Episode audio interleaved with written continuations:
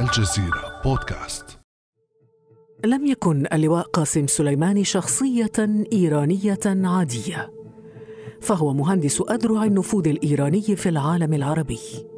من بيروت إلى بغداد ومن صنعاء إلى دمشق يوصف سليماني بأنه القائد الذي يدير أذرع إيران الخشنة والأمين على الشق الخارجي من استراتيجيتها التوسعية. به شما فکر لا تحتاج إيران أو القوات المسلحة مواجهتكم فأنا خصمك وقوات القدس خصمك فماذا بعد مقتل سليماني بصواريخ الجيش الأمريكي؟ بعد أمس من الجزيرة بودكاست أنا خديجة بن جنة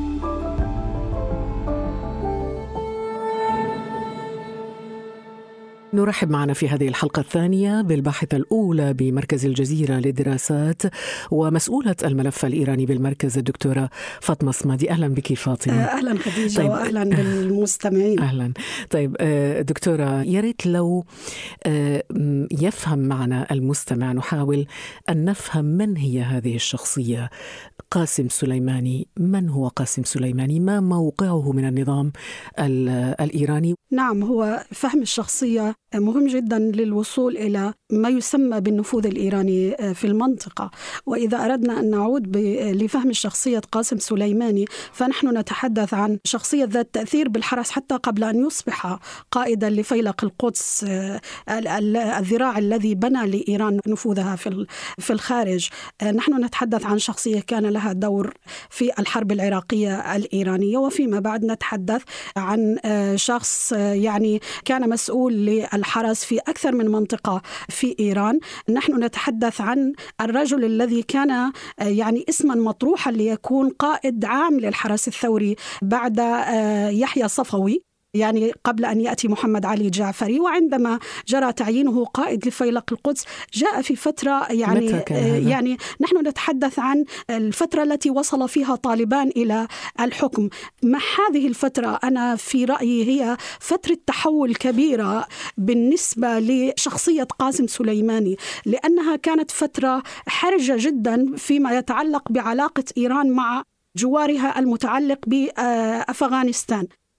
مع الاحتلال الأمريكي لأفغانستان كان قاسم سليماني هو الرجل الذي فوض الأمريكان في في أفغانستان. وإذا عدنا إلى التصريحات الأمريكية على هذا بدايات ال- الألفية 2000 مع الاحتلال الأمريكي في أفغانستان أيضا كان رجل آه، مهما جدا على هذا الصعيد.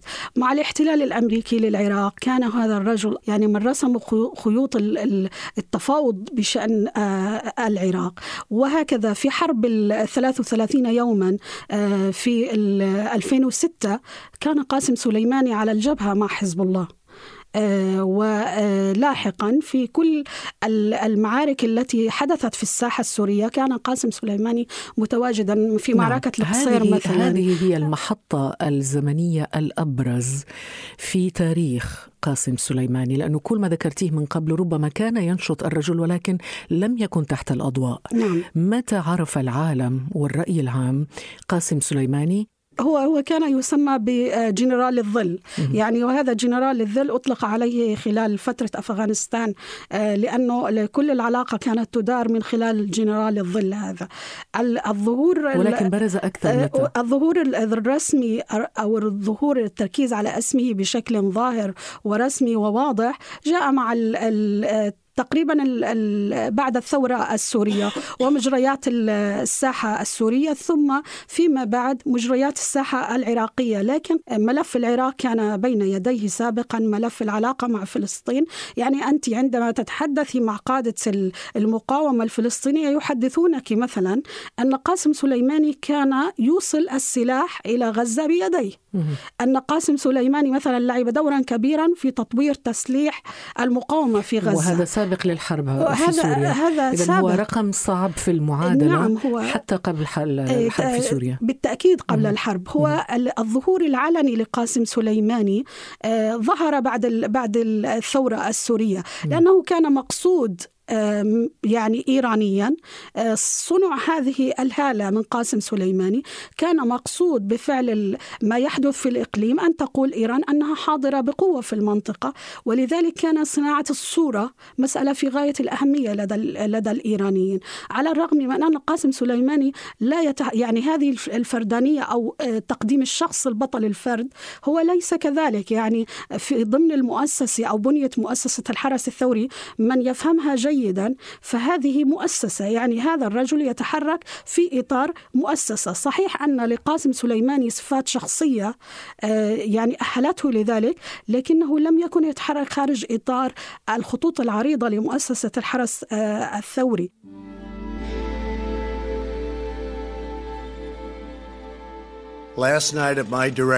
بتوجيه مني نجح الجيش الأمريكي الليلة الماضية في تنفيذ ضربة بدقة عالية لقتل الإرهابي رقم واحد في العالم قاسم سليماني. سليماني كان يخطط لهجمات وشيكة على الدبلوماسيين الأمريكيين وعناصر الجيش.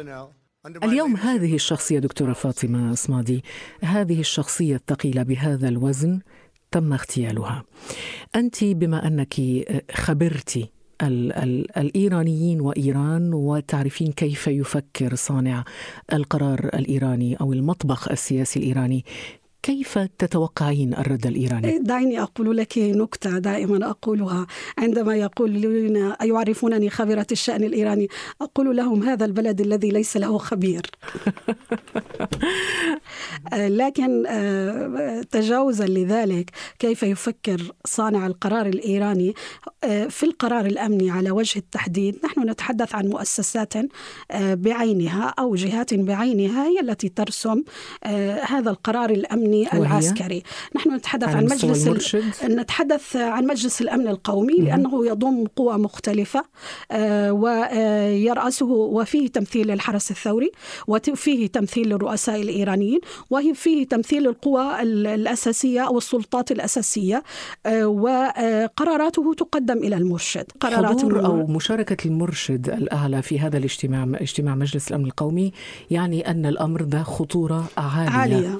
طيب الذي خرج به مجلس الامن القومي اليوم؟ آه، كان كان من الواضح أن إيران تتوعد بالرد وأن هذا الرد سيكون آه، قويا وواضحا. دون الإفصاح عن طبيعة الرد. آه، دون الإفصاح عن طبيعة الرد. لكنها أيضا قالت أنه أن المنطقة هي قالت غرب آسيا، غرب آسيا هو الشرق الأوسط في التعبير الإيراني، وبالتالي هناك توسيع لساحة الرد بما يتجاوز الساحة العراقية. هذا مجلس الأمن القومي آه دكتورة نعم فاطمة يعني من هي المؤسسات التي تملك أيضا آه صناعة القرار في هكذا ظروف؟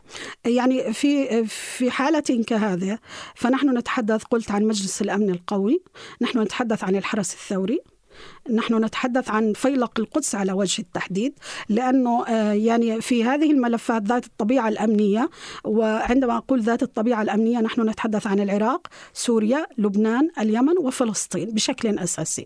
هذه الملفات ذات الطبيعة الأمنية فيلق القدس هو صاحب الكلمة آه، الأولى وقد والأخيرة من خلال من خلال المرشد ويثق به المرشد بشكل كبير.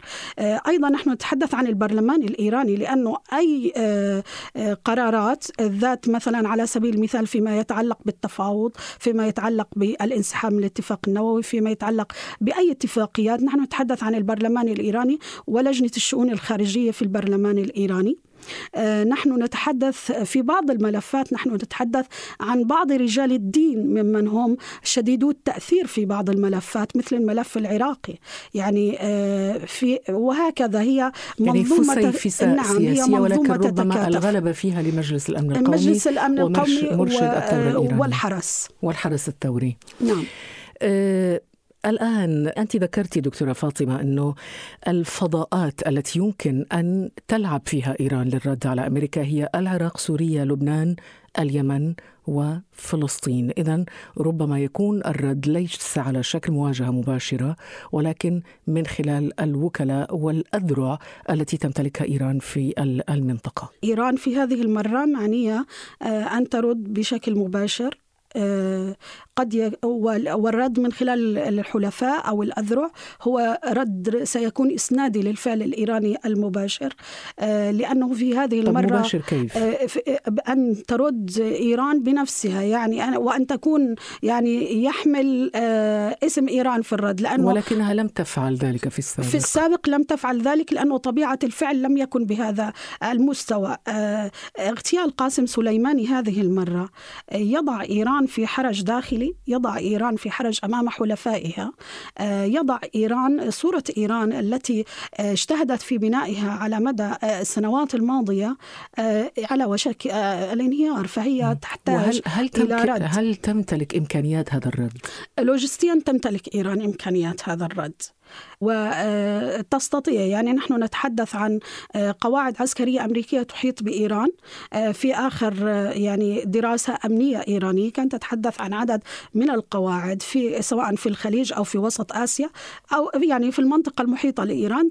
نحن نتحدث عن عدد من القواعد يتجاوز خمسين قاعدة عسكرية أمريكية.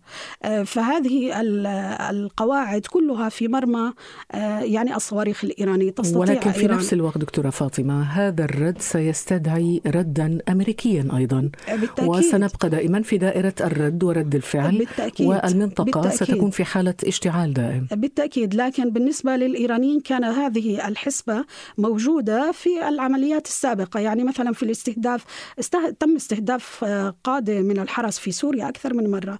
وكان مقتل الجنرال حسين همداني واحدة من أقصى الضربات التي تلقتها إيران.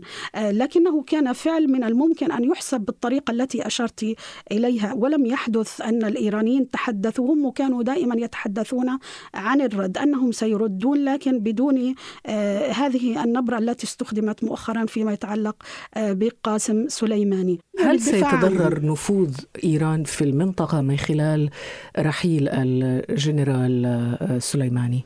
هو شخصية الرجل خاصة إذا استمعت لوصف لشخصيته من خلال من تعاملوا معه بشكل مباشر فنحن نتحدث عن رجل يعني بصفات مختلفة يعني قيادية وقدرة على التعامل مع المنطقة لديه فهم كبير حتى جيوسياسي لطبيعة وحتى انثروبولوجي للمنطقة التي يتحرك فيها. لكن أريد أن أعود إلى قصة أننا نتعامل مع مؤسسة يعني مؤسسة هي مؤسسة هي تكاد تكون أكبر مؤسسة في إيران آه، مؤسسة الحرس الثوري. فإنتاج القيادة داخل هذه المؤسسة يتم بطريقة مؤسسية. آه، طبعا هذه النقطة تقودنا إلى السؤال عن آه، هذا الرجل الذي يخلف قاسم سليماني وهو إسماعيل قآني.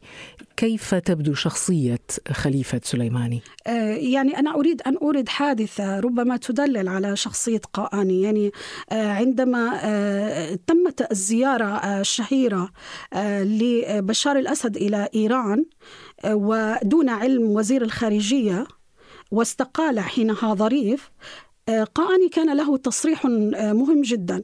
هو قال نحن علاقتنا علاقة الرفاق مع الحكومة لكنها تعرف بما يجب أن تعرفه والقضايا التي لا يجب أن تعلم بها لن تعلم بها. هذه يعني هو كان واحد من مهندسي زيارة بشار الأسد إلى طهران عقب حديث عن أن بشار الأسد سيتخلى عن أو سيخلي ظهر الإيرانيين في في سوريا. هو شخصية لصيقة جدا بقاسم سليماني وكل الملفات التي كانت بيد قاسم سليماني هذا الرجل على اطلاع عليها.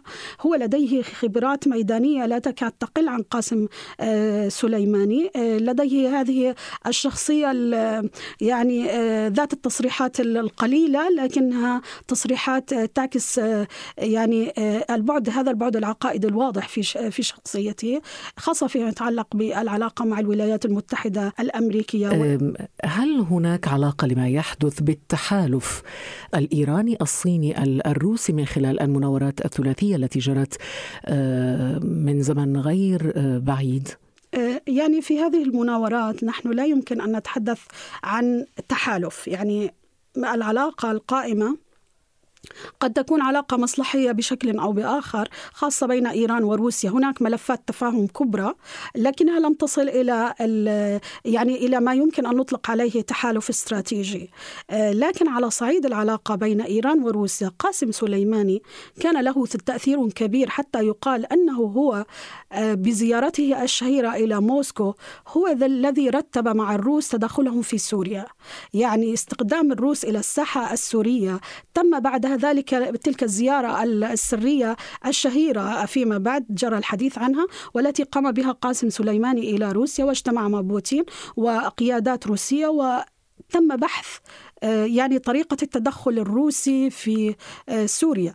ومما لا شك فيه أنه قاسم سليماني هو منسق في العلاقة يعني أو آه، رجل شديد التأثير في العلاقة. بالنسبة للصين الصين في علاقتها مع إيران أهمية العلاقة هو المشروع المهم بالنسبة للصين والذي يمهد لنفوذها الاقتصادي المتعلق بطريق الحرير إعادة إحياء طريق الحرير.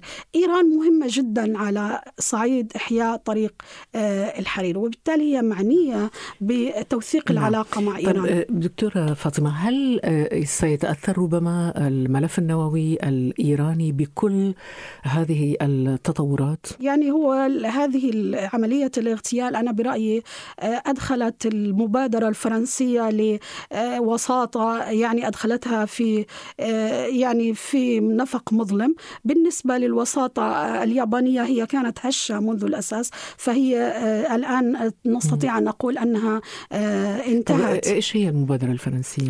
الفرنسيين يعتقدون بأنهم يعني آه، من الممكن أن يقودوا تحركا أوروبيا للوساطة بين إيران والولايات المتحدة الأمريكية. وكان هناك عرض مع أنه الموقف فقط نفتح قوس هنا للإشارة إلى أن الموقف الأوروبي إجمالا اليوم مؤيد للرئيس الأمريكي دونالد ترامب فيما قام به. الأوروبيين في العلاقة مع إيران على وجه التحديد يختلفون مع ترامب في بعض الملفات لكنهم يلتقون معه في ملفات كثيرة.